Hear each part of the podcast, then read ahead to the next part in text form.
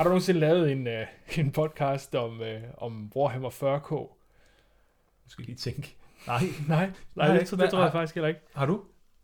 Nej, nej, ud af de 4-5 stykker, vi har lavet, der tror jeg ikke, der var nogen om 40k, så skulle vi ikke til at gøre det. Jo, lad os det.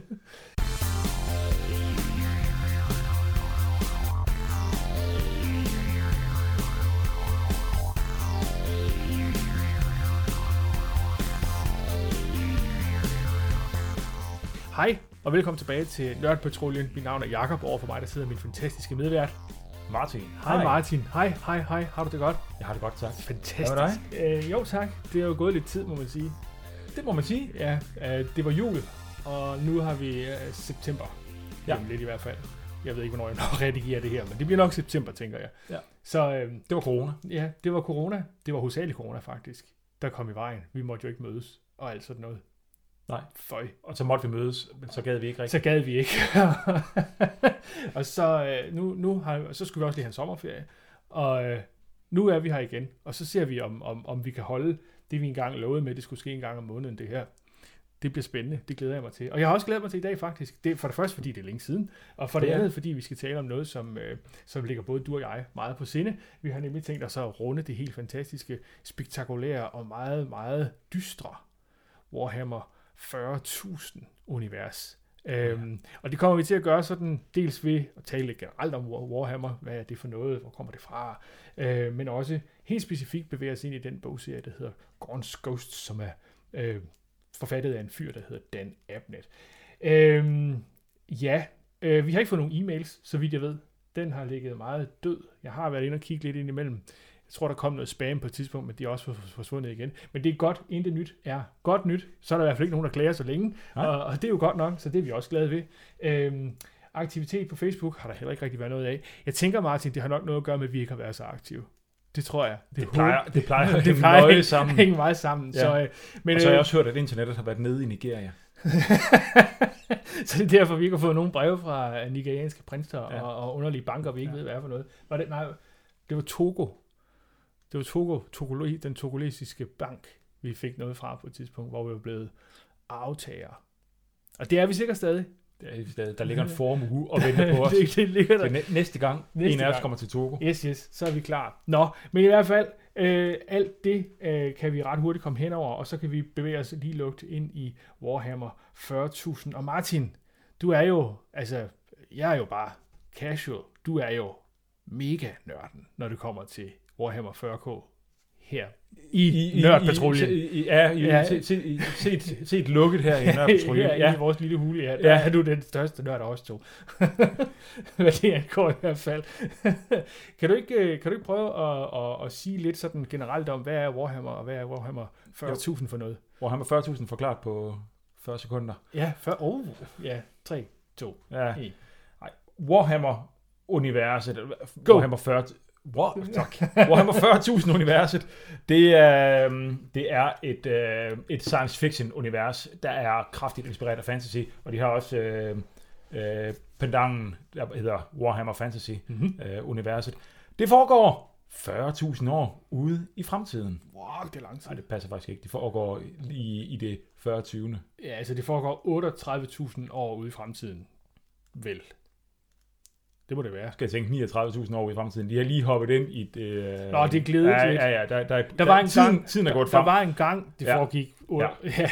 Det foregår i det 41. 20. Tyve. og 1000. Ja. Og nu har jo 1000 skiftet lige været der i historien. ja. Det er en øh, dystopisk fremtid. Menneskeheden har øh, spredt sig ud i, øh, i universet, ud i galaksen, øh, og, øh, og er presset fra alle sider. For at kunne overleve, så er man faldet tilbage fra at have haft den gyldne teknologiske alder, så er man faldet tilbage til en, øh, en religiøs, fascistisk verdensorden, hvor, øh, hvor hele omdrejningspunktet punktet, det er, øh, det er den guddommelige kejser, som er nær død, eller øh, så godt som død, og ligger i stasis Ja. på, øh, på jorden. Det har han gjort i 10.000 år her, øh, hvor, øh, hvor det hele foregår. Og for at menneskeheden har kunne overleve, så, øh, så kører man et meget brutalt øh, regime, hvor menneskeliv øh, ikke betyder noget.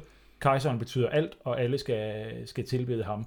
I den her verden, der er man så, øh, der er man så øh, under belejring fra alle sider, som de plejer at kalde det, øh, af rumvæsener, af dæmoner fra øh, den paralleldimension, der bliver kaldt øh, The Warp, Ja. øh, i materiet, hvor, øh, hvor ja, alskens ondskab øh, lurer, mm-hmm. og fra øh, kætterbevægelser internt i, øh, i øh, menneskets imperium. Ja.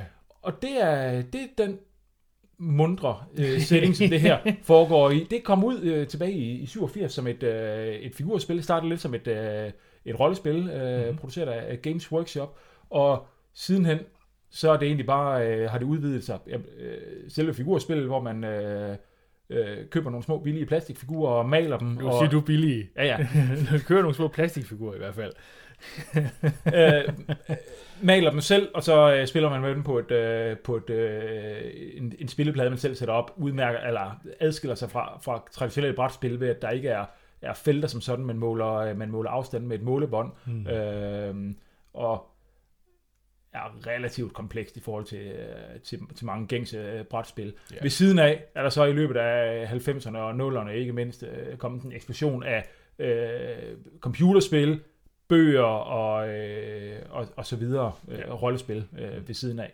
Øh, så det blev, det blev relativt stort inden for, øh, inden for nørdverdenen i hvert fald. Øh, Ja, det der, univers. der er også sket sådan en mainstreamificering af det. Øh, øh, der, dels med, at der er kommet nogle, ja, nogen siger ja, en spillefilm i hvert fald. Jeg tror faktisk også, der kom, altså nu tænker jeg på en computeranimeret film, der hedder Ultramarine. Oh. Apo- Meget på Star Wars Holiday Special. ja, ja, ja, ja, meget apropos den.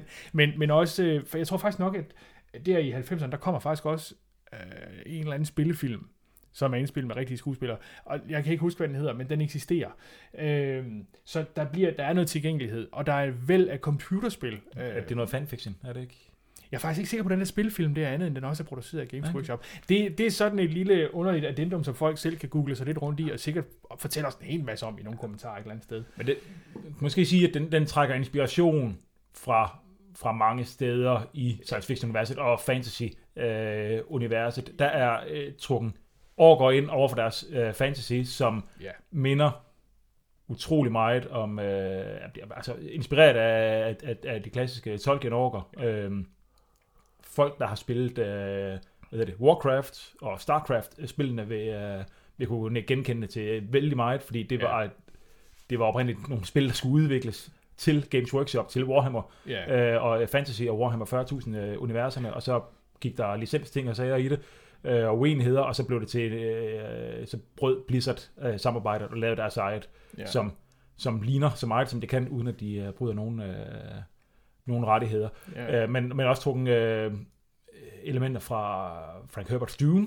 ja, der- klart, Der, klart, er, klart. øh, der er vældig meget der, og den film, der hedder Event Horizon. Øh, Ja, der er også nogle, der nogle er også sammenfald nogle, der. nogle, nogle fælles træk, og de siger også, Præcis, blank hvad, hvad der inspirerer hvad der, det kan måske være lidt svært at se. Men, ja, øh, der, der, der, der, de, de, de trækker vild inspiration fra, fra, fra mange steder, og, og bygger også øh, raser og, øh, og planeter osv. op over nogle, nogle meget kendte stereotyper fra, også fra tilbage fra oldtiden og så videre. Ja, ja, ja, ja, ja. Og jeg vil sige, øh, i forhold til tilgængeligheden, og i forhold til om, om, om nu siger du, at det sådan er blevet meget stort inden for nørdkredse, jeg vil sige, der i 90'erne, start 90'erne, midt 90'erne, der går to brætspil op, øh, henholdsvis øh, Hero, Hero Quest og øh, Space Crusade, Ja. øh, som er sådan nogle brætspil, som sådan er almindeligt tilgængelige, fordi de faktisk også bliver oversat til dansk, og de bliver også solgt i sådan nogle forretninger, som for eksempel BR. Øh, så hvis man har prøvet at spille Space Crusade, så har man også stiftet bekendtskab med 40K-universet, fordi det foregår lige præcis i det univers, og det er der, hvor man kan sige, øh, for mig at se den originale Space Marine kommer fra øh, ja. den her store robotagtige øh, rustning. Rummarinesoldat, der Ja. er, øh, der er fået alskens operationer og implantater og så videre, og som så er blevet sat i sådan en stor power armor, hedder det. Ja, ja. Meget, meget stor rustning. Ja. ja. Så, så hvis man har, hvis man har stiftet, altså hvis, hvis man overhovedet husker det, overhovedet har, har mødt det, så, så har man også mødt 40K-universet. Ja. Øhm, og, og ellers så vil jeg sige, hvis sådan, nogle, sådan en forretning som Faro Cigar, det er jo som om, de har mere og mere vind i sejlene. Og går man ind i den, så kommer man også meget hurtigt til at se noget fra 40K. Så det er ikke, det er ikke så niche, som det var engang. Øh, men det er heller ikke sådan jeg ved ikke, meget udbredt. Der, der er alligevel, der skete et eller andet med, med licenserne. Øh, altså Games Workshop, dem der producerer Warhammer, var meget liberale med deres licensgivning, især til digitale øh, hvad skal man sige, fremstillinger af deres, øh, deres ja, det de har i deres portefølje af forskellige ting. Så der var alle mulige, der fik lov at lave computerspil, så der er et væld af mere eller mindre dårlige computerspil Også nogle derude. afsindig gode øh, Der er computerspil. også nogle afsindelig gode øh, computerspil derude, men der er også der er, de- dem, der er rigtig gode, der synes jeg også, det, det er dem, hvor man fornemmer, at der har været en relativt tæt kontakt mellem Game- Games Workshop og udvikleren, hvor dem, der sådan er mindre gode, der kan man næsten fornemme, at det er en, en udvikler, der har fået lov at købe en licens, og så har der ikke rigtig været mere i det. Ja. Øh, sådan kontaktmæssigt i hvert fald. Der kan man eksempelvis se ved nogle af de mobilspil, der udkommer. Lige netop, det er præcis de mobilspil, jeg tænker på. Det, øh, det er noget værre... Dem, jeg har set, har ikke været særlig gode, vil jeg sige. Det har mere eller mindre været et generisk spil af en eller anden øh, type, og så sat sådan et, Et skin et, et Warhammer øh, 40k skin ja, på. ja, ja, ja. Så øh, ja, så det er, er Warhammer sådan ganske kort fortalt. Er der noget, vi lige har glemt? Nej, Altså, ja, vi, øh, man kan jo snakke i flere timer om de her øh, fraktioner Ja, og, ja, ja. øh, og, og så videre. Nej, hvis man, hvis man tænker langt, langt ude i fremtiden, det, det er jo fantastisk, at det er så langt ude i fremtiden, øh, fordi så er, der, så er der rimelig øh, stor frihed, og, og menneskeheden kan mutere osv. Langt ude i fremtiden, det går rigtig skidt. Det er, menneskeheden er hele tiden ved at kollapse, ja. og der er, øh, der er fjender overalt. Ja, og, så er det, og, så, og det, der måske er lidt er meget interessant ved det, det ved, ved universet, selvom det er så langt ude i fremtiden, så er det sådan underligt genkendeligt. Der er sådan en, en, en pussy retrofuturistisk idé. Altså, øh, våbnene for eksempel, de bruger er ikke sådan hyper fremtid. Det er laservåben og plasmavåben, og det kunne for så vidt lige så godt være en, en, øh, en ja, det ved jeg ikke, en M16 og, og et eller andet øh, granatkasterudstyr, øh, i forhold til, hvordan de faktisk bruger det. Og taktikker og så videre, ja lige præcis, det er også meget genkendeligt.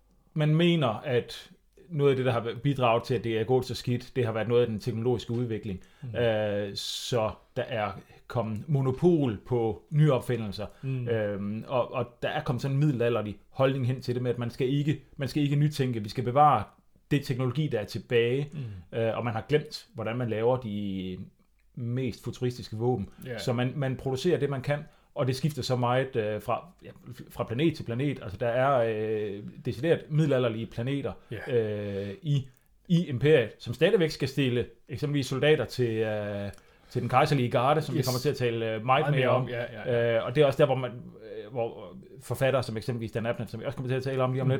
lidt, øh, virkelig kan boldre sig med at, at, at køre med nogle af de her øh, arketyper inden for, øh, inden for militær og krigsførelse, og på, på tværs af alle tidsalder, bare sat i fremtiden. Ja, og nu fik du lige sagt uh, Imperial Guard, eller de imperielle uh, gardister, som Ja. er det, der ligesom er centra, cent, centrum for den bogserie, vi skal tale om nu her. Uh, jeg tror, øh, hvis man så lige skal prøve at sammenfatte det ganske kort, det her univers, så skal så alle romaner i uh, det her univers, de har sådan en, en, en ja, nærmest en tekstcrawl, der står på en af de første sider, hvor der står, at i det 40. 20. århundrede er der kun krig. Ja. Øh, og så står der bla bla bla, og så står der, at hvis man er menneske, så er man en ud af utællelige milliarder, øh, så du er uendelig ligegyldig. Den eneste, der rigtig betyder noget, det er som sagt den her kejser. Ja. Øh, Hvad der end sker, så vil du ikke blive savnet. Nej, nej, og det er ærgerligt, men det er sådan, det er. Øhm, og det er så også alt det, som øh, den kære Dan Abnett, han skal forsøge at håndtere, da han øh, tilbage i, jeg mener det er 99, øh, får lov at skrive den første, og det er vidderligt den første roman, der bliver udgivet på det, der hedder Black Library, øh, som er Games Workshops øh, trykkeri, skråstreg publishing house, hvor de udgiver deres Forlag. Ja, deres for, undskyld, ja, tak. Deres forlag. Ja, det er godt det var sagt. så lidt. Det er et rigtig godt ord, Ja, faktisk. ja, det kunne man godt. Det beskriver ret godt, hvad det er. Ja. Skal, jeg lige, skal jeg lige notere det, så jeg har det til en anden Ja, omgang ja, også? gør det, gør det. Forlag, ja tak. Øhm, ja, det er deres forlag, som, øh, som udgiver bøger, øh, der foregår i universerne, henholdsvis øh, Warhammer, som er fantasy, øh, universet, og så Warhammer 40K, som er det mere science fiction baseret. Og der i 99, der bliver Dan Abnett en af de første. Jeg mener, altså nogle gange bliver det sagt som om, at det er den første roman, andre steder så bliver det sagt, at det er en af de første romaner, der udkommer, den der hedder øh, Gaunt's Ghost, øh, Tanith First and Only.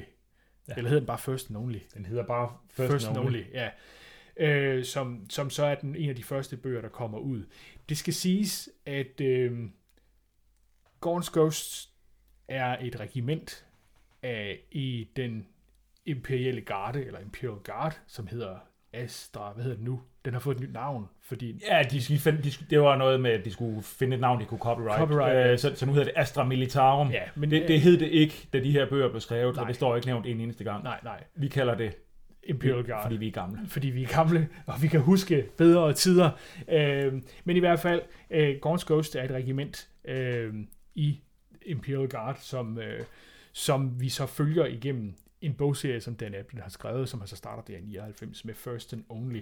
Det skal siges, det er ikke, det er ikke, det er ikke første gang, at, øh, øh, at Gaunt's Ghost dukker op. Der har været nogle små noveller øh, i forskellige, jeg mener, det hovedsageligt har været i White, White Dwarf, som er det blad, som Games Workshop også udgiver, som er en hyldest til dem selv, Ja. øh, som handler om alle de nye figurer og det, man kalder battle reports. Nogen, der har spillet et stort spil. Det altså- er, det er hobbybladet. virkelig hobbybladet for, for, for, for Warhammer.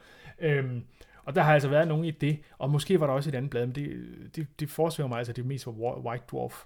Og de historier bliver faktisk også samlet øh, lidt senere i, øh, jeg kan ikke huske, om det er bog 2 eller 3, hvor, hvor de kommer til sådan at fungere som en roman samlet set. Det er den anden bog, Ghostmaker, ja, Ghostmaker, ja, det Ja. mener jeg også, ja, fordi det er sådan nogle hvor det bliver baggrunds- flettet ind som baggrundshistorie Ja, for de enkelte. Ja, det er hovedpersoner. Ja, netop, netop. Nå, men i hvert fald, øh, Gaunt's Ghosts, en bogserie på 14 bøger, øh, 15 bøger nu, undskyld, øh, og den strækker sig over fire af det, Dan Abnett selv kalder arcs eller cycles, så der er sådan fire store hovedhistorier, der bliver afsluttet. Den seneste er lige blevet afsluttet øh, med den fjerde bog i det, der hed The Victory øh, arken, så hed, og den første ark var øh, The Founding, The Founding, og så var den The Lost. The? Saint, The som Saint, nummer to, og så The, The Lost, som og, den tredje. og så den tredje, øh, fjerde her, der, The, The Victory, Ja. som, slu, som er afsluttet med den bog, der hedder The Anarch. Ja. Øhm, vi to er lige lidt forskelligt i, hvor langt vi er nået. Jeg har lige læst den næst sidste i den sidste. ja. så det vil sige, jeg har både læst bog nummer 14. Ja. Ja. Øh, og du har, vi har lige regnet det frem til, at du læste bog nummer 11 som den seneste. Ja. Øh, du er så gået i gang med det ambitiøse projekt at starte forfra. Det tænker jeg, det, Ja, for det er, et du, tid til siden, det? Det, det er et stykke tid siden, jeg læste øh, bog 11. Øh, så i, i stedet for bare at kaste ud i bog 12 og ikke kunne huske Noget som helst. nogen navn, så jeg, så jeg startet forfra. Ja, øh, det- nu for ligesom at, at det lyder fornuftigt. op. Øh, hvilket også betyder, at der er en masse øh, nye navne, fordi øh, alle de hovedpersoner, der bliver introduceret nu, de, de, var, de var døde. Ja, Øh, uden at jeg skal komme med spoilers i, øh, i den her podcast, ja. så, så er det en... Jeg ret- jeg lægger ikke skuld på, at det er en blodig øh, omgang. Øh, Det er det. Altså, det, er jo, Øh. det er jo på... Altså, det, hovedpersonerne, de dør jo sådan i, i et tempo, der svarer til øh, Game of Thrones, eller, Det- øh, eller det- Grey's Anatomy, eller sådan noget. Faktisk, faktisk er jeg ikke sikker på andet end det er højere end Game of Thrones, øh, med de named characters, der dør. Fordi øh, der er flere bøger. Så altså, lignende. Ja, man skal ikke knytte sig for tæt til, til hovedpersonen. nej. Øh, jeg tror, og hvis jeg skal være ærlig, jeg tror faktisk ikke, er det ikke først i bog 4, at øh, den første named character dør? Det er bog 3 eller 4 første gang, at der er en, en, en sådan en named character, der rigtig dør. Øh, så der går faktisk lidt tid, men så har han ellers også øh, i en lindstrøm slået dem ihjel på den ene eller på den anden måde. Ja, eller, eller afviklet dem. Eller, eller afvikle dem. Der er også nogle, hvor vi venter, stadig venter på, at de kommer tilbage, kan jeg sige, som er forsvundet i bog 2, 3, 4 eller sådan noget, øh, som man stadigvæk venter lidt på. Krydser fingre. Ja, altså, den kære forfatter har sagt, at øh, den karakter, vi begge to helt sikkert tænker på lige nu, skal nok komme tilbage. Øh, det er bare et spørgsmål om, øh, hvornår. Og i et interview, jeg så om hans seneste bog, altså The War Master, som er bog nummer 5, der sagde han, øh, snart. Ja. han kommer snart tilbage. Så øh, ja, øh, det skal, i den forbindelse, så kan man jo sige, at Dan Abnett, han har udtalt omkring bogserien, at øh, han er meget bevidst om, at han skriver sæbeopera øh, med krig i. Altså, der er, og, og en af reglerne for sæbeopera, som for eksempel glamour, eller øh, hvad hedder den, Hortons-sagan eller sådan noget, det er jo, at der er ingen, der rigtig er døde.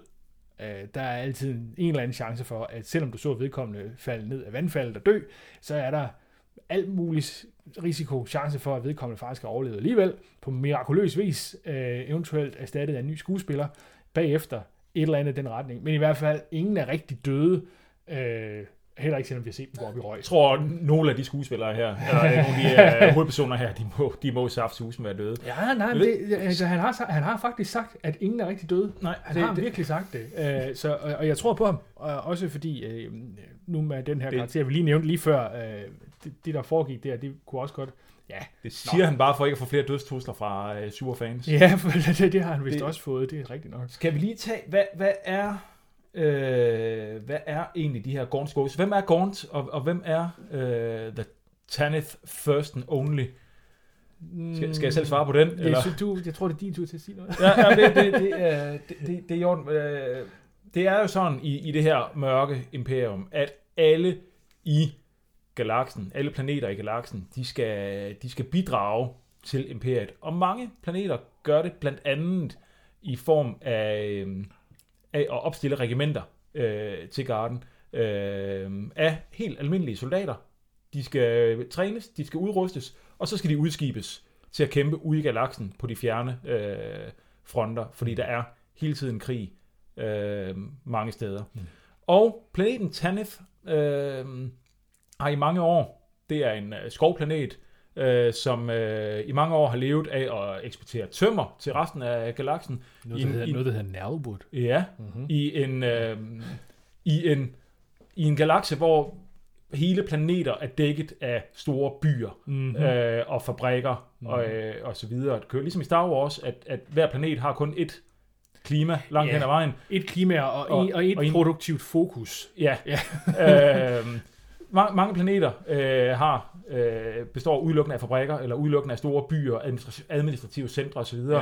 Så træ, det er en luksusvare mange steder. Mm-hmm. Øh, Tanith eksporterer træ, Mhm. mm. luksustræ, Ja. Øhm, men skal nu også til at opstille regimenter til garden. Og øh, de går i gang med at opstille deres første regiment, og lige netop som det skal udskibes, øh, så bliver planeten øh, ja, udslettet af Fuldstændig. Ærkefjenden. Ja. De store, øh, jeg tror ikke, den er Det er navngivet som sådan. Det, det- det, er nogle kaos-styrker, og, Ja. og, og, og kaos-styrkerne, det er de her øh, enten dæmoner eller personer, som er blevet fordavet af øh, The Warp, som kæmper imod øh, mennesket Ja, det, det, det, det, går, det, går lige op, det går lige op for mig, hvis man ikke ved ret meget, så bliver der godt nok sagt mange ting der, som, som kan være lidt forvirrende. Uh, The Warp, du har nævnt det før, The Warp er sådan en, en anden dimension, øh, hvor, hvor alskens død og ødelæggelse kommer ud af. Øh, men det er samtidig den dimension, man er nødt til at bruge, hvis man gerne vil rejse langt i galaksen. Så rejser man ind i The Warp for at kunne komme hurtigere frem. Øh, og, og, og, og, og de her, den her warp, der er så en eller anden adgang mellem den dimension og så det, der er principielt af vores galakse, øh, så hvor der kan komme de her kaosstyrker ud. Og det er så det, der sker der, da de netop har grundlagt Taniths i, første regiment. Det vi kalder the dramatically inappropriate moment. ja, ja, ja, Øh, Der ja. bliver planeten udslettet, og øh, chefen for det her nye regiment, noget, øh, han hedder øh, kommissar Colonel, eller kommissær Oberst. Ja, der, der, der Øh, springer du faktisk lidt, fordi de har faktisk en anden... Grunden til, at han bliver commander, er jo fordi den rigtige commander dør Ja. under det her. At, at, at da, da, da Tanith First and Only bliver grundlagt, der, der bliver planeten sprunget i luften, og det betyder, at alle officerer i regimentet dør. Og så har man den struktur i Imperial Guard, at der findes nogle politiske officerer, som egentlig er til for at tage sig af moral og den slags, og kan egentlig tage over i det øjeblik, der måtte være en officer, der er forfaldt. Og der er den eneste tilgængelig på det her tidspunkt, det er Ibrahim Gaunt, som er den højst rangerende kommissær på det her tidspunkt, er kommissar, og derfor bliver han så udnævnt som øh, leder, Oberst, oberst kommissær. oberst kommissær af, af, af regimentet. Øhm, det er en sjælden ting, hedder det sig i, øh, i, i, i Imperial Guard, at det sker, men det sker altså indimellem, at der er, er, er sådan en kommissær, der sidder på, på lederposten for regimentet. Ja. Kommissæren er direkte inspireret af Sovjet-systemet Yes. øh, med, med, med kommissærer, skråstrej politiske officerer, det skiftede navn nogle gange Ja, frem ja. og tilbage under, i sovjettiden. Men, men ideen med, at man har en, en officer, som ikke er militærleder som sådan, men som sørger for det idealistiske eller Ja. ideologiske øh, fokus, og det er nøjagtigt det, de skal her. Men i det her tilfælde, der får øh, Ibram, eller Ibram Gaunt så øh, kommandoen Ja. over det her regiment. Han vælger at i stedet for, at de skal kæmpe til sidste mand for at forsvare den her døende planet, Mhm. mm-hmm. så øh, evakuerer de det, de nu kan af det her regiment. Ja. Øh, så de slipper, som de eneste, lige omkring øh, 2.000 soldater, ja. væk fra, øh, fra Tanith, som, øh, som springer i luften. Og det fører så til, at han er fra starten er hadet af en del øh, soldater, som hellere ville have øh, offret sig for deres egen øh, hjemplanet, men som nu øh, føler, at de er blevet øh, trukket Hjem, hjemløse. hjemløse. Ja, ja, ja. Og, og også derfor, at de, jamen, de, øh, regimentet bliver kaldt first and only, fordi planeten kommer aldrig til at, øh, at starte flere regimenter. Nej. Og de bliver også kaldt Gorns Ghosts. Det er der flere årsager til, mm. øh, men, men blandt andet, at lidt de er de her spøgelser, det er de sidste døde fra planeten, som bare ikke har lagt sig til hvile Ja, ja, øh, ja. øh, endnu. Øhm, men der er også noget med, at de øh, excellerer som let infanteri, som øh, skjult infanteri. Ja. Øhm, de er også gode til at finde vej, Ja. fordi de her nal-træer fra, øh, fra Tanith, de øh, i bedste, i bedste fangården skovstil, så kan de øh, bevæge sig, eller kunne de øh, bevæge sig Ja. rundt for at fange det bedste sollys. Ja. Det gjorde, at der ikke var nogen faste stier og, øh, og sådan opfang i, øh, i skovene. Mm. Så i, i løbet af generationer udviklede øh, øh, de her folk på planeten en, en, en sjette sans for at finde vej øh, alle mulige steder, og det er så det, de tager, de tager med sig som deres øh, styrke. For ligesom planeter er gode til én ting i det her univers, så er de enkelte regimenter også gode til lige netop én ting. Ja, Ah, ah, det, det ændrer sig lidt i løbet af, af det, det de kommer til at ændre sig, 14 men, men, men uh, lidt, lidt som generaliseret. Som De har, øh, de har et kendetegn. Det her, Ja. det er let infanteri. De sniger sig afsted ja, i deres øh, super seje camouflagetøj, ja. og de, øh,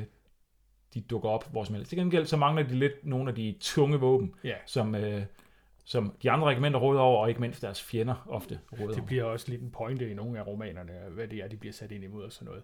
Så er de jo ikke kendetegnet, hvis du siger deres camouflage. De har sådan en, en, en, en kappe, de alle sammen har på, som er meget karakteristisk, som bliver beskrevet flere steder, som også er på mange af forsiderne af bøgerne, som også er på de figurer, der er lavet ud fra romanerne. Så har de, de er tatoveret. Øh, og jeg har altid forestillet mig, at det var blå tatoveringer, og det ved jeg ikke hvorfor. Jeg er faktisk ikke sikker på, at det er beskrevet som blå tatoveringer. Det bliver beskrevet som øh, øh, blå og lyseblå øh. Ja, ikke også? Ja, Og det er også sådan ja i forskellige og slangemotiver og Ja. spiraler og Ja, sådan noget. Ja. Det er sådan, jeg har egentlig altid forestillet mig sådan lidt uh, Mel Gibson, uh, Braveheart-agtigt. Men det, Det er, måske- sjovt, du, det er sjovt, du siger Braveheart, fordi der, der er også... Øh, nu kan det godt være, at jeg, jeg er præget af, af, at det lige er begyndt at høre den som lydbog, Ja. hvor, øh, hvor oplæseren øh, Og, ja, giver, dem, øh, giver dem skotsk, øh, skotsk dialekt. Men det, jeg skulle til at sige, fordi ikke, ikke, ikke overvældende. Uh, Nej, Nej, men- en subtil skotsk dialekt. De, de hedder også øh, Mac, Mac, øh, nogle af Mac- foran, ja. foran deres navn. Nogle af dem, MK, ja, et eller andet. ja, der er en, der hedder McVenner, for eksempel. McVenner, som- McCall. Ja, McCall, Øhm, ja. Og, og det, det går måske også lidt derhen, og så har de bare en eller anden sådan oprørskhed. Jeg tror, altså Det, det, det, jeg tror meget, meget løst inspireret måske. Jeg skulle til at sige, jeg, jeg, tror, øh, jeg tror nok, det er sådan at mere eller mindre øh, officielt antaget, at de er, altså deres, deres dialekt er skotsk, og at deres inspiration er sådan skotsk højland på en eller anden måde. Øh, om Dan Abnett selv har sagt det, det ved jeg ikke, men det er i hvert fald sådan, at når andre taler om bøgerne, så bliver det også på et eller andet tidspunkt altid nævnt, at de, de taler den her skotske øh, dialekt eller accent, om man vil. Her, hermed forstærker det også. Hermed forstærket også. Det skal vi nok være med til at underbygge. Det gør ikke noget. Nå, men det er jo så det regiment, man følger øh, igennem 15 bøger. Og øh, vi kommer ikke til sådan at kaste os ned i hver evig eneste bog, fordi øh, der er mange. Og øh, det vil nok give mere mening at, at have en podcast for hver. Men øh, da vi jo kun er en månedlig cast, så tror jeg ikke, at det bliver sådan... Altså havde vi jo så havde vi jo til flere år næsten jo, hvis vi skulle lave en for hver eneste. Der er også andre Warhammer-ting, vi skal snakke om Så- på et tidspunkt. Der er andre bøger, vi skal... Så derfor Igen. kommer vi ikke til at kaste os ned i det. men, men det der måske er værd at sige, det, hvis vi sådan skal sige sådan noget ganske overordnet, så kan man sige, at der er de her fire øh, cykluser, eller fire arks, der foregår. Den første, det er den, der hedder The Founding. Der får vi ligesom, det, det er der, hvor vi får det sådan mest, som jeg husker det, mest sådan ordinære infanterikamp, øh, der foregår. Øh, den næste, det er den, der hedder The Lost. Nej, den næste, Det er The Saint. The Saint. Og det er den, den, den er sådan særligt fokuseret omkring en del af den kampagne, de deltager i, som foregår omkring nogle bestemte planeter, hvor der er øh, den her helgen, der, der er dukket op, som øh, man ønsker sig at, hvad skal man sige, at indlemme i de imperielle rækker, og derfor redde. Beati. Øh, ja, Beati, ja. Saint Sabbath.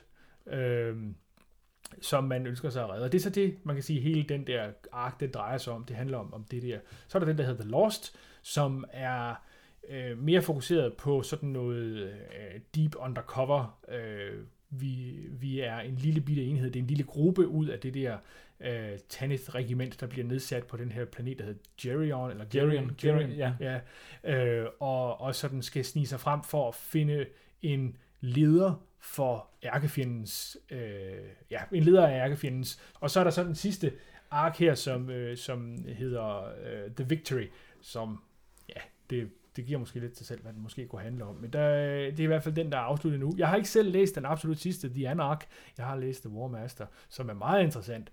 Øh, kan men, også sige, at, at, at hele omdrejningspunktet, det er det, de kalder Sabbath Crusade, eller Sabbath øh, korstog, ja. øh, hvor det er en lille del af det her øh, næsten uendeligt store øh, imperium, hvor de øh, skal befri en, en sektor bestående af, jeg tror det er lige omkring 100 planeter. Ja. Øh, så på et eller andet tidspunkt, så må de også være i mål, øh, ja, ja, ja, ja. kan man sige. Selvom øh, serien har jo kørt nu i 20 år. I 20 år? Ja, 20 år, ja. Hold da fast, ja. ja det har den.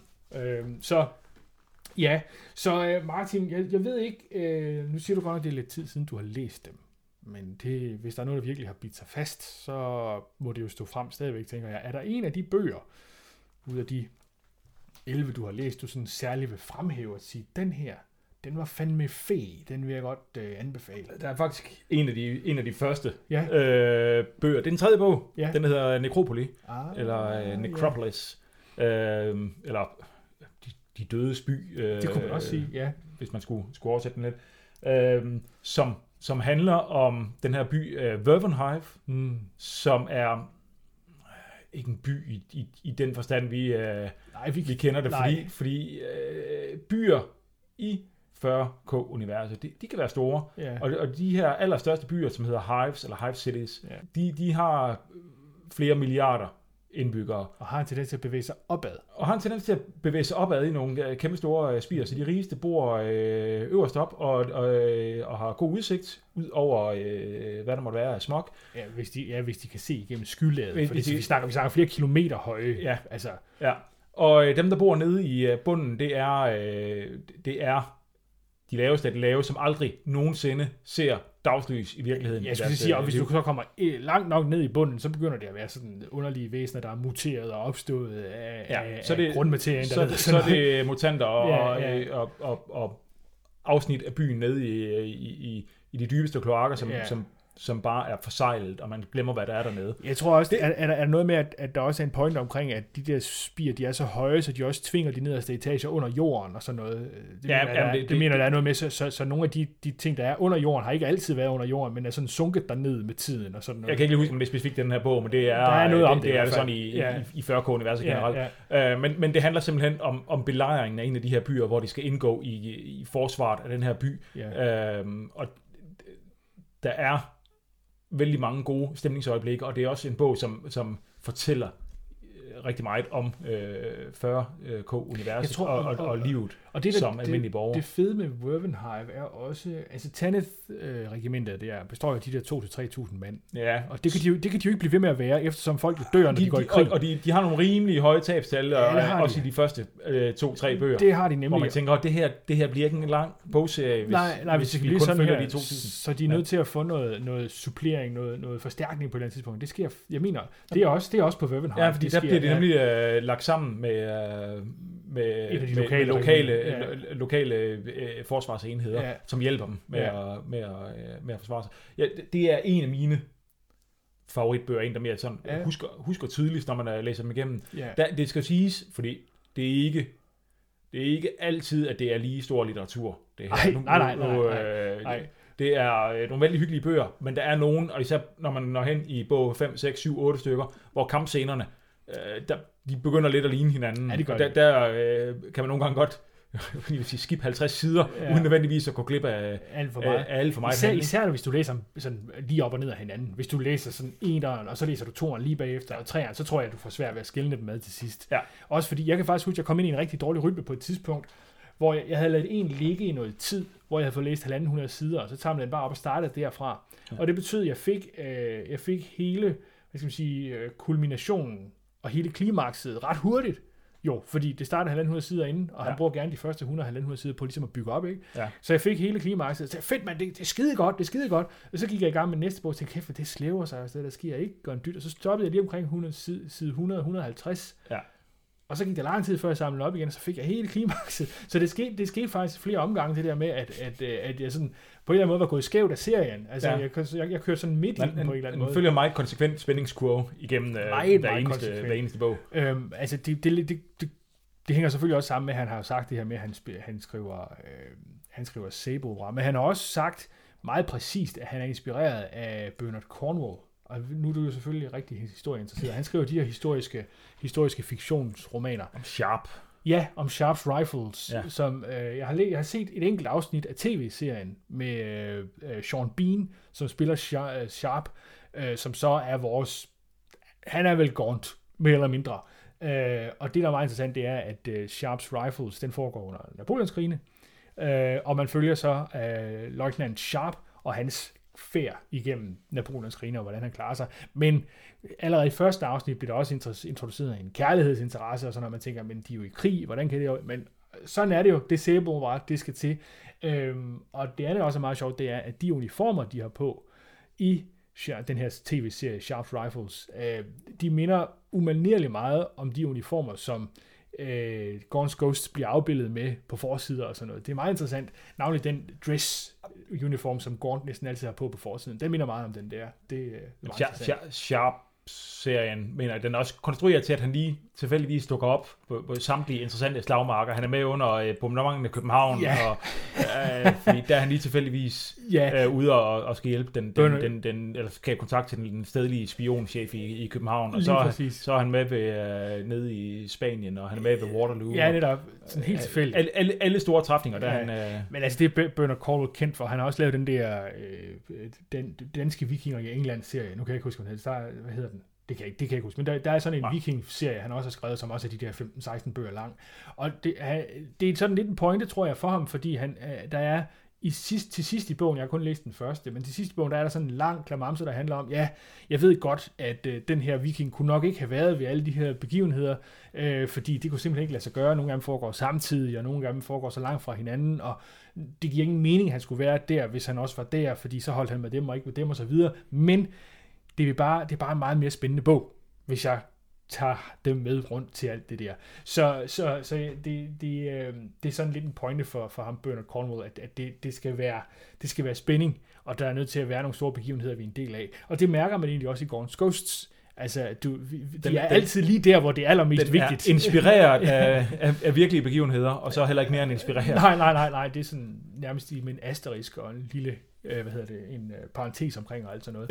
Ja. Øh, så så, så man, man, man, man forne, altså, det er, det er heldigt nok, så central Gaunt's Ghost altid er, altså regimentet altid er i det forsvar, de nu er en del af, eller det angreb, de nu er en del af. Altså, de, det er tit, det er meget ofte dem, der lige er nøglen til et eller andet. Ja, og det der med, at man er en ud af, en, øh, af utallige milliarder, det, det bliver lidt tilsidesat her. Men de bliver stadigvæk, altså de, de, ja. de, de bliver jo stadigvæk skildret som bare almindelige soldater. Soldater. I forhold til, til øh, noget af det, der gør det fa- faktisk forfriskende at læse i forhold til meget andet Mm-hmm. øh, Warhammer-litteratur, Ja. øh, hvor meget af det, der følger man de her øh, Space Marines, som er supersoldater, ja, supermennesker. Ja, ja, ja. Øhm, at, at, at han meget bevidst har valgt at, at skrive om de almindelige mennesker, for, også for at man bedre kan identificere sig med personerne, og hvad, hvad de kan, og hvad de ønsker, og, og, og, og så Ja. videre. Øh, det er vældig fint. Siden han har han skrevet også nogle bøger om, om, om Space Marines, Ja, ja, ja, som, som har hvor han selv er fa- faldet i sin egen fælde, at de, Ja. de bliver simpelthen ikke relaterbare. Og Øh, han har faktisk han har, han har, han har også talt om det i nogle interviews, at da han starter med at skrive for Black Library, der, der vælger han helt bevidst at skrive om menneskene, altså Imperial Guard, fordi det er dem, han forstår. Han, på det tidspunkt siger han, der kunne, han- han, han forstod ikke de der super soldater der. Han, var, han, var, kunne ikke, altså han kunne godt se, at det var meget sejt at spille med dem, sådan at bruge dem som figur, fordi de kunne udrydde det handler en bordplade på det tidspunkt, hvis ja, Ja, det skulle være, ikke også? Men, men sådan som, som interessante karakterer, altså hvordan, det er lidt, det er lidt Superman-paradokset, ikke også? At, at, at Superman er, er kun spændende, hvis der er nogen, der har noget kryptonit. at han faktisk kan komme til skade, for ellers så, så binder han bare knuder på dig og smider dig væk. Og Ja. så er det lige meget. Ja. Altså, øh, så, så, så det er lidt det, øh, der bliver problemet med, med Space Marines i øh, 40K-universet. Så derfor øh, giver det god mening at fokusere på, øh, på menneskene, altså de her guardsmen, som, som du siger, også bliver fremstillet meget menneskeligt. Og meget menneskeligt i den forstand også, at de jo, altså, der er jo ikke nogen af dem, der sådan, til syvende og sidst er der jo ikke ret mange af dem, der sådan er særlig idealistiske heller. Altså det, det er meget, der, der er jo en helt sådan øh, fraktion i regimentet omkring ham, øh, Major Ron, Oh ja. som, som, som, som ja, de er sådan småkriminelle og, og snyder og bedrager. Altså nu, nu har jeg lige...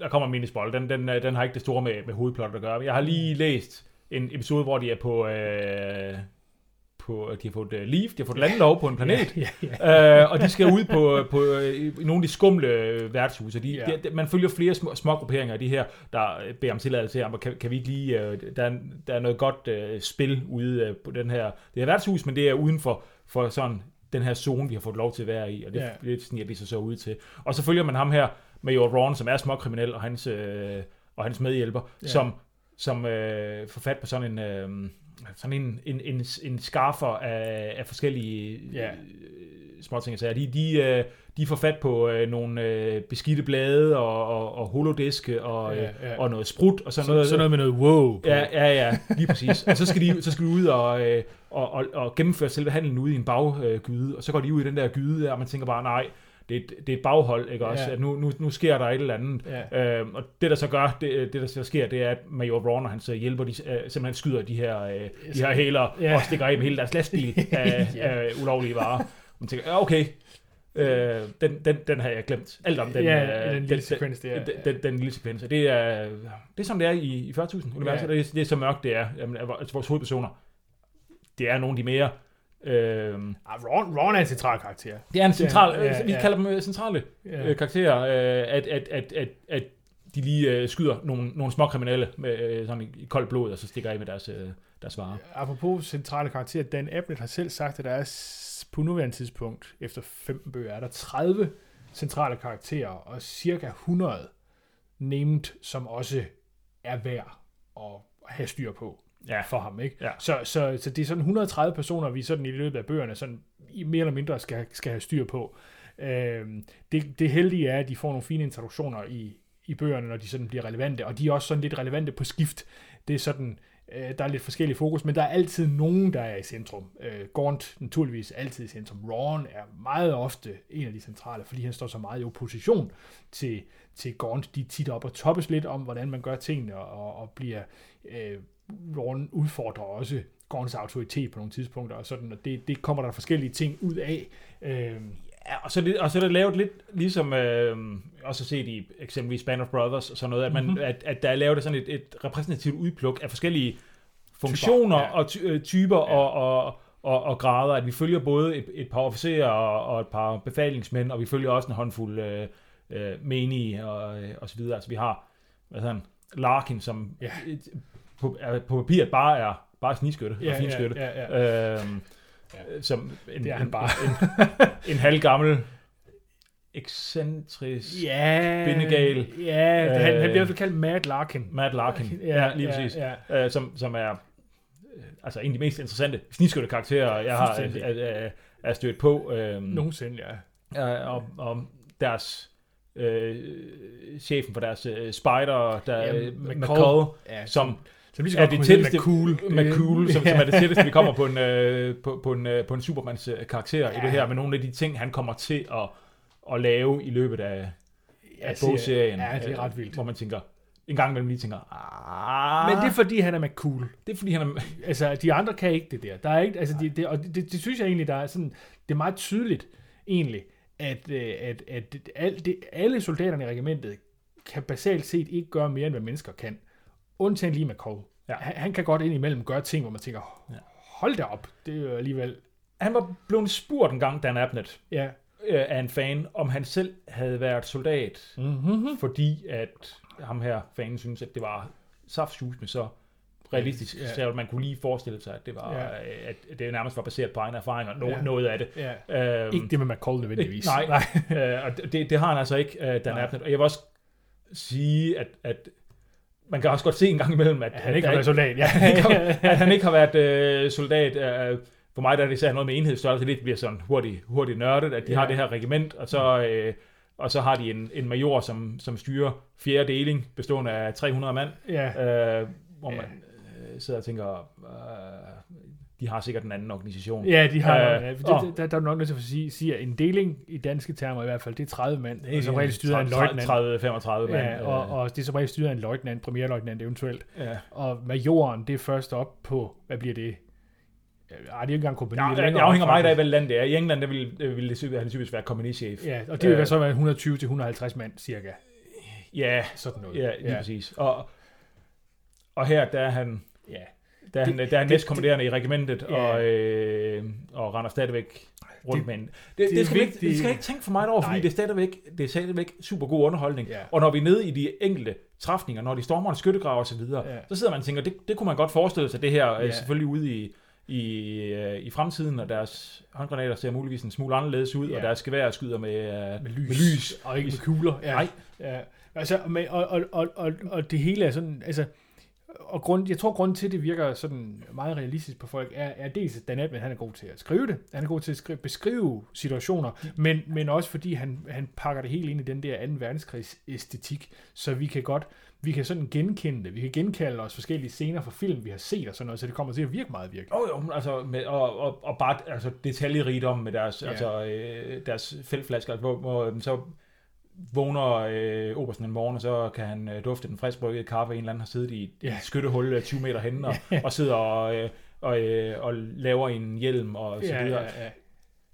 Dan Abnett er meget bedre til at beskrive det, end Ja, jeg ja, ja, ja. Men, men han, han får hele tiden, altså vidderligt, De hele der tiden ting. de her øh, små detaljer med, Ja. øh, som, som er sindssygt øh, godt beskrevet. Ja. Et stykke hen ad vejen også lokaliteter, han er god til. Et langt hen ad vejen her, faktisk i, i endnu højere grad i, uh, i hans Inquisitor-bøger, som vi ikke kommer ind på i dag af, af tidshensyn, Ja, ja, ja, øh, men, ja. men rigtig god til at beskrive verdener, og, Ja. og hvorfor, hvorfor verden egentlig hænger sammen, som den gør, i betragtning af, at det er de her øh, monobiome-verdener, hvor, Ja, hvor, ja, hvor ja. planeter har et klima og kan én ting osv., så er han god til at, at, at, at lave nogle beskrivelser af, hvorfor, hvordan, hvordan vil et, et, øh, en befolkning hænge sammen på den her, øh, den her planet, og hvordan vil det virke, og hvordan vil stemningen være, Ja. og så videre. Det, er han, det er han relativt god til at, øh, at beskrive også, som også gør, Ja. at man faktisk føler, at det her, det, det kunne godt være et sted i virkeligheden, Ja. øh, sådan cirka 40.000 år ude i fremtiden. Ja. Og hvis, øh, hvis vi lige skal tilbage til det spørgsmål, jeg startede med at stille dig, hvad, hvad for en bog du kunne anbefale, og hvis jeg, så, hvis jeg så også lige skulle komme med Ja, en ja, ja, anbefaling ja, ja, kom løs. her Endelig. 30 minutter efter. Øh, jeg tror, øh, den, den første bog i serien, jeg læste, det var faktisk nummer 4. Det er den, der hedder Guns of Tanith, der starter med sådan en ret spektakulær luft øh, landsætning, hvor de, de springer ikke ud med faldskærm, men de gør øh, 40k øh, ekvivalenten til at springe ud med faldskærm. Sådan nogle ret dramatiske rappelleøvelser Ja, øh, som, som, som er ret cool og vældig, vældig cool beskrevet. Der er sådan en, øh, der er nogle øvesekvenser, hvor de øver det i starten af bogen også, som er ret cool. Den, øh, den står meget klart for mig. Jeg tror selvfølgelig også, fordi det nok var den første, jeg læste, men også fordi jeg faktisk godt kunne lide hele det der, øh, det der aspekt. Jeg vil så sige, øh, den seneste, jeg har læst, uh, The War Master, er super interessant. Øh, og øh, fordi der, der er noget med, altså, der er rigtig mange af karaktererne, som avancerer i rang. Der er mange af, øh, der er mange af de der mindre karakterer, som sådan, hvor vi følger dem, de går fra at være sergeant, så bliver de øh, løjtnant, og så er der også en af med at være kompet- kaptajn og kompagnichef og sådan noget. Altså de faktisk sådan avancerer, der sker noget progression, men dem, der ikke rigtig sker noget progression for, det er sådan en som Ron, og det er sådan en som Gaunt, og The War Master, der begynder der sådan at blive pillet ved nogle af de ting, og det synes jeg er super interessant, og det bliver rigtig interessant at se, når jeg nu skal have læst de andre ark, og så den næste ark, hvordan det her de kommer til sådan at, at folde sig ud i forhold til, til, øh, til de forskellige officerers rolle i regimentet. Det, det glæder jeg mig rigtig meget til at se. Så vil jeg så sige, hvis jeg skal sige noget om, øh, om der er nogle af bøgerne, jeg ikke bryder mig så meget om, så øh, er det hele den ark, der hedder The Lost. Den er jeg ikke ret vild med. Det er den her, det er den ark, der får, hvor de er sådan meget undercover, Ja, ja. øh, og de sniger sig meget rundt på den her planet, og jeg, jeg kan godt se, hvordan det, det passer meget godt til regimentets øh, kunden. Altså det der med, at de er gode til at snige rundt- sig rundt og finde vej. Men det der med, altså jeg synes, jeg synes det er meget anderledes end de andre. Det er ikke, det er ikke, altså han skriver ikke dårligere. de er ikke dårligere skrevet, eller, eller sådan et eller andet. Øh, jeg har lidt en fornemmelse af, at der er en af dem, der er redigeret enten af en anden, eller bare på en anden måde, for den er meget lang. Øh, og de plejer ellers sådan ret præcist at holde de her 300 sider. Der er en af dem, der bliver lidt længere. Øh, det tror jeg, den der hedder Trader General. Ja, det er også lige meget. Po- Pointen er, at den, lige den ark er jeg ikke så vild med, fordi det falder sådan lidt uden for det, jeg sådan synes, at, at uh, Gaunt's Ghost er. På den anden side, jeg kan sagtens se, at hvis vi bare skulle have fire bøger mere, med det, det plejer at være, så var jeg nok også blevet træt af serien på nuværende tidspunkt. Så øh, Altså, jeg, jeg, jeg kan godt lide den del med, altså hvor, hvor de tager kontakt til en modstandsbevægelse på planeten mm. og, og understøtter dem og, Ja. ja. og træner dem. Den, den del kan jeg faktisk godt lide, men jeg tror netop, det er, som du siger, det var også på et tidspunkt, hvor man måske trængte til, at der skete noget et andet. Men, men det er kun en håndfuld, man følger. Øh, Jeg kan faktisk, jeg kan sindssygt godt lide øh, spoiler, de, de bliver ikke ved med at være modstandsbevægelse, de kommer tilbage på et tidspunkt Ja. øh, øh, til, deres, øh, til deres regiment. Ja. Jeg kan godt lide det, der er kommer med mistro, Ja, det, det er også meget øh, når, når de kommer ja. tilbage til deres Ja. regiment, hvor øh, de måske lidt havde forventet at blive modtaget som helte, Ja. og, og så kommer de tilbage, og der er øh, kommet en ny chef, regimentschef Ja. øh, på, og jeg tror, at det er blevet sl- slået sammen med, et, Ja, med øh, nogle andre. de, de blevet slået sammen med et andet regiment, Ja, øh, og blevet øh, sådan et, et fælles øh, opklaringsregiment. ja. Øh, og, og der er den her mistro med, hvordan kan I have overlevet så længe ja, I på, burde en, jo være døde jo. på en ja. kaosinficeret planet, Ja. uden selv at blive Ja, øh, øh, korrumperet Ja. af, af, af de her mørke magter. ja. Øh, det, det, er, det kan jeg... Det, det synes Den, jeg den, også er del kan, den interessant. del kan jeg godt lide, men jeg kan godt følge det, du siger med, Men- at, at, at, at det, ikke, det, det er bestemt ikke det, man forventer, og stilen er markant anderledes Ja. øh, Der- i, i nogle af de her bøger. Der er, det, det, det er langt at læse for at komme til det der punkt, hvor det bliver interessant med den her mistro, synes jeg. Øhm, til gengæld, der er nogle enkelte sekvenser i, som jeg synes er meget cool. Der er på et tidspunkt, hvor de møder en, øh, en dæmonisk kampvogn, som, øh, som sådan øh, jagter rundt efter dem.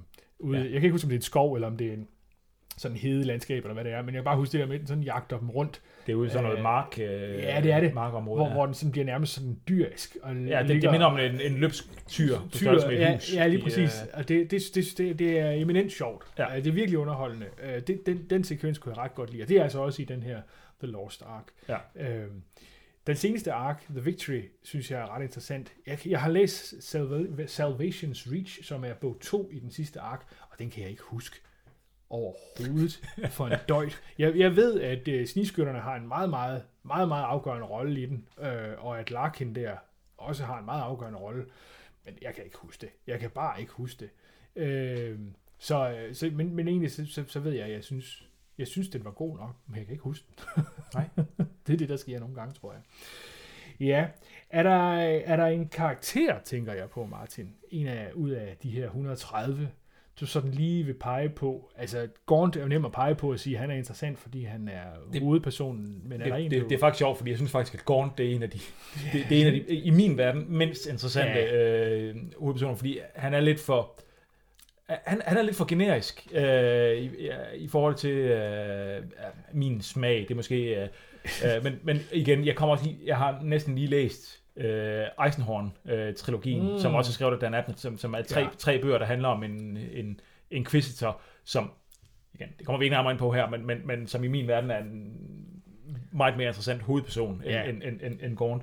Uh, der er også mere udvikling for, for hovedpersonen i de bøger, over tre bøger, end der er for Gaunt over 15.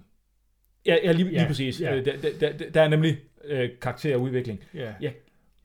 Oh, den, den, er- den, McCall er så nem at pege på, øh, fordi han er øh, McCool hele vejen igennem. Ja, ja. Men, men jeg, øh, jeg kan faktisk vældig godt lide, de har, de får en kommissær ind på et tidspunkt, kommissær Hark, ja, øh, Ja, ja. som hvor, hvor, som undergår mere udvikling, end, end, øh, end Gaunt gør ja. øh, i, i, i, i min bog, øh, men som mere er den der... Øh, Det er kaffe. Vil du have kaffe, Martin? jo tak, meget ja. gerne. Han undergår mere, han undergår mere udvikling. Øh, ja, men, men, men, men som i hvert fald starter ud mere som, som den klassiske kommissær, politiske officer i, øh, i enheden, øh, som, som jeg godt kan lide. Jeg, jeg, jeg kan afsindig godt lide øh, øh, Larkin, og så har de en, øh, han har en adjutant, skråstrej fløjtespiller, der hedder Bryn Milo, Ja. øh, som, som man heller ikke kan lade være med at holde, Holde lidt af. øh, Holde lidt af. Ja, Ja. ja. Han, men han, han, spiller jo ikke, han spiller jo ikke fløjte. Han spiller jo bagpipes. It's the pipes. Eller er det... er jo, er jo han spiller, han det, spiller bliver nemlig ikke, det bliver ikke beskrevet som sådan. Det øh, bliver, det bliver kaldt pipes. det bliver er- kaldt pipes. Jeg har- Det, det er, jeg det er nødt til at sige, er der med. blev, lavet, der blev lavet en figur af ham Åh, en gang. okay, og der spiller Og han der er det, så vidt jeg husker, mere sådan en panfløjte lignende en, Nå. faktisk. Okay, Øh, som, jeg ved godt, ja, det der er, bliver mange, der, mener, der er mange, der mener, at det er en sækkepip, skulle jeg lige hilse sige. Jeg skal, lige, jeg skal finde den bagefter. Jeg, det kan Ja. jo godt være, at jeg husker helt galt. Uh, men men tror de, jeg blev, ikke. de Det blev lavet som uh, metalfigurer i, i to omgange. Ja, ja. De, de lige, de jeg tror, det er to måneder siden, eller sådan Ja. noget, de kom ud i plastikfigurer. Ja, ja. Der er Brent Milo uh, ikke med, desværre. Nej, nej. Uh, Der kan vi ikke pege på. Øh, nej. Øh, jeg skal lige finde den, øh, de, de, de, de gamle metalfigurer. Ja. Øh, Og, og det er jo ikke nogle afsindigt flotte figurer, de nye, der er kommet nu. der var jo, der var jo Warfest. Er det ikke det, der hedder Warhammer Fest? Er det, den hedder? Øh, der for nogle måneder siden, hvor de netop annoncerede de nye Ja, øh, Ja. resin-udgaver af de her Gaunt's Ghosts. Ej, de er sgu plastik. Det er, Det er rigtig Det plastik? er, det er rigtig plastik. Åh, det Gud. er så lækkert. Wow. Øh, og, og slet ikke til at, at betale sig. Nej, det er sikkert, det er sikkert, øh, det er sikkert rigtig dyrt. Det 400 kroner for seks små mænd. Hvad var det, du startede med at sige, at det var sådan nogle billige figurer, man, man købte som mailmand? Jamen, det her, det er jo, det her, det er jo, øh, det er jo, samler, øh, det er jo samlerobjekter. Ja, så det, det, det koster. Det, det, må, det må koste, hvad det koster. Ja. Hvis jeg skal sige noget om, om favoritkarakter, du har jo nævnt mange Ja. af de gode. Jeg var ret vild med Colm Corbeck. Og var. Jeg er ret vild. Ups. Lad os se, om det nogen, grejer den. Jeg er ret vild med Colm Corbeck. Øh, så er, er oberst. Øh, og er en af dem, der bliver udnævnt øh, lige ved, ved foundingen der. De kommer ind i en, en flok til Gaunt, netop som øh, Gaunt er blevet udnævnt øh, ja. oberst. Og øh, øh, der kommer en flok ind til ham og siger, hey, alle vores officerer er døde, vi skal bruge flere officerer. Og så øh, siger Gaunt noget i retning af, jamen, øh, alle jeres mænd har jo peget på jer, øh, så I må blive de nye officerer. Og så peger han bare på dem efter turen nærmest og siger, du bliver oberst, og du bliver major. Kom så afsted, få tingene til at glide. Og der er det altså Colm Corbeck, der bliver, øh, der bliver den første øh, oberst øh, i, øh, i regimentet, som ikke er Gaunt. Og ham, ham, var jeg, ham, ham er jeg, ah, det tror jeg næsten ikke, jeg kan skjule det mere, men ham er jeg ret vild med. Øh, nu skal nok være med at nævne andre karakterer, som jeg er ret vild med, som, øh, som, som jeg var ret vild med. Jamen, han er Øh, også, øh, han, er, øh, han bliver også fremstillet som sådan helt igennem øh, likable. Sympatisk fyr, ja, ja. ja, han er en af øh, folkets øh, mænd, og øh, det er rigtigt. Og det kommer også frem, at han, han, han ikke nødvendigvis er sådan den store taktiske leder, ikke i starten i hvert fald. Nej, nej, nej, nej, nej. Øh, at, at han øh, i hvert fald i de første par bøger laver nogle Brøler. nogle brøler, Ja. øh, og så bliver det bedre efter, efterhånden. Så der, der er også noget, er noget udvikling. Ja. Øh, Han er leder, fordi at folk godt kan lide ham, ja. tror jeg. Altså, det er det, der ligesom skal gå igen der. Jeg har, vi har været lidt inde på det. Dan Abnett har skrevet mange andre bøger. Det her Det det er har jo en, en, en serie, som han startede ud med, og så har han gået til og fra over de, øh, de seneste 20 år. Ja, Indimellem har han skrevet øh, nogle bøger om Mange. inkvisitionen, Ja. som er de her øh, hemmelige agenter, som, som virkelig bag, bag øh, scenerne øh, har magt og, øh, og, og opsøger øh, hvad hedder det, øh, øh, menneskehedens fjender overalt i, øh, i imperiet. Ja. Der har skrevet nogle, nogle afsindig gode bøger, startende med Eisenhower-trilogien, som jeg faktisk tror, hvis man er ny i Warhammer-universet, det har jeg hørt før. øh, ja, så, så vil jeg næsten anbefale, at, øh, og man gerne vil starte med nogle bøger, at det er der, man starter. Ikke nødvendigvis, det afhænger af, om man er til detektiv, agent historier, Ja. eller man er til krigshistorie. Krigshistorie så er Så start med så, Gaunt's så start med Ghosts. Gaunt's Ghosts. Ja. Hvis det er mere er, er sådan agent-thriller, øh, så er Eisenhorn øh, trilogien, den første bog, den hedder Xenos, X-E-N-O-S. Ja. Øh, det, det, er, det er der, man starter som introduktion i min verden. Ja. Øh, så har han skrevet andre bøger. Han har været med til at skrive nogle af bøgerne om det, der hedder Horus Heresy, som foregår 10.000 år. Jeg har skrevet den første Øh, bog i den serie, det skrev før. alene, men det er jo sådan et stort konglomerat af, af forfattere, der har sat sig sammen og er blevet enige om, Jeg har, ald- jeg har aldrig læst det, fordi det Nej. er en tidsperiode, som i min verden er, er, er bedst holdt hen i, I det som uvisse. Sådan, I, i det Ja, uvisse, som ja, sådan en ja. myte. Øh, Så, så det er jeg helt bevidst gået udenom, også fordi der er rigeligt, er rigeligt andet rigtig at andet at læse, ja. Det skal Øhm. siges, at Horus Heresy er sådan, det, det er sådan en, en historisk ting i 40.000 universet, som foregår omkring år 30.000. Ja. Øh, og det har noget at gøre med den her kejser, der, der, der ender med at, at ligge i stasis øh, og, og være sådan underligt død, udødelig øh, et eller andet. Ja. Det, det har noget med alt det at gøre. Og, og det er sådan, det har lang tid, altså fra, stort set fra starten øh, af, af, af Warhammer 40K-universet, der har det der Horus Heresy, The Horus Heresy, stået som sådan en eller anden mytologisk periode eller, eller handling, der sådan øh, ikke rigtig har været forklaret præcis, hvad det er, og der er så nogen, der har taget livtag med det, herunder blandt andet Dan Abnett, og forsøger at forklare, hvad er det, der er sket der i det der Horus Heresy, og hvordan er det endt med, at kejseren han har siddet i det her stasis. Hvis det har jeg hørt, så skulle der være skrevet nogle afsindig gode bøger. Der skulle også Absolut. være skrevet nogle, nogle dårlige bøger omkring den periode. Absolut. Jeg er bare, jeg er bare gået, jeg er bare gået udenom, mm. Øh, netop fordi for, min, øh, for mit vedkommende kan det fint være holdt hen i det uvæse. Ja. Men igen, bare for at illustrere, at øh, Dan Abnett har altså skrevet mange andre bøger, Ja, og, ja. øh, og, og skriver stadig, inden, altså øh, vidt, han har også lavet meget, der ikke er Warhammer. Det har han nemlig. Han har også skrevet meget tegneserier. DC, uh, Batman har han også skrevet noget af. Uh, den, der hedder... Uh, det AD 2000 hedder, der har han også skrevet en del. Og han har skrevet en del Aquaman, faktisk også. Uh, han har også skrevet til en del computerspil.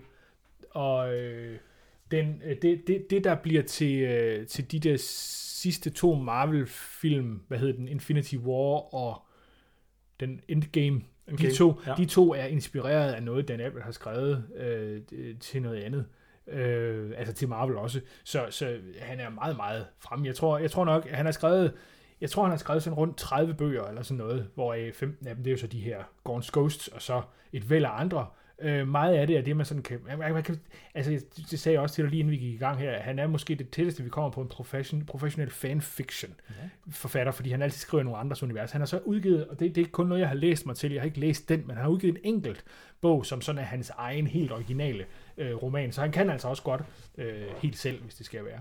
Og så har han skrevet øh, historien til øh, Ultramarines, The Movie, Ja, som øh, handler om de her øh, Space Marines, som er en, øh, en animeret film, der udkom for, det er længe siden, den det er, udkom faktisk, det er, også, det er også 15 år siden eller sådan noget. Øhm, og efter den udkom, så kom der en meget død periode, hvor der ikke kom mere, fordi den var saft Fantastisk. God. Ej, jeg vil Den skal vi- den skal- den- den skal vi dække i vores julespecial. Ja, det tænker også, det er vi nødt til at tale om, men, men det man skal vide, det er, at Dan Abnett, da, da, da det kommer ud, at Dan Abnett skriver manuskriptet til Ultramarine, der tænker man, yes, holy yes. Hvis nogen kan Det- gøre det her sejt, spændende, så bliver det, så er det Dan Abnett. Så hører man, at en skuespiller som for eksempel John Hurt er involveret i stemmeskuespiller, så tænker bare, yes, det er skide godt tænkt. Det er virkelig godt tænkt. Og så det hele, hele, det hele store hype-tog er bare sat i, altså, det kører bare 260 km i timen derude af. Og så udkommer den. Og så tænker jeg, at vi taler videre om den i vores julespecial, eller i en eller anden special, hvor vi, hvor vi får lov at, at, tale om Ultramarine, The Movie, fordi den er, den er, værd, den er værd at tale mere om øh, af flere årsager. Ja, Martin, øh, er det ved at være det? Det tror jeg, det er. ja, det, øh, det er det. Jeg, Ja, tror, vi, vi, vi runder af her inden for, inden for overkommelig tid. Øh, så siger jeg tusind tak for i dag, og I skal huske på, at hvis I gerne vil i kontakt med os, så kan I skrive til os på e-mail nordpatruljen.gmail.com. I kan også gå ind på Facebook, hvor I kan finde os. I kan finde os på Spotify, iTunes og på Buzzsprout. Og husk at sige til, hvis der er andre af de her podcast services, I gerne vil have os til at lægge vores podcast ind på, fordi så kan det formentlig godt lade sig gøre, hvis vi nu er til en eller anden helt obskur podcast service, som jeg ikke kender til, så kan det godt være, at vi kommer derhen. Og øh, med det, så tror jeg, jeg vil sige uh, tusind tak for i dag. Det var rart at lyttes ved. Jeg håber, vi ses igen næste gang. Kan du have det godt, Martin? Ja, tak og lige måde. Ha' det godt alle sammen. Hej hej. Hej hej.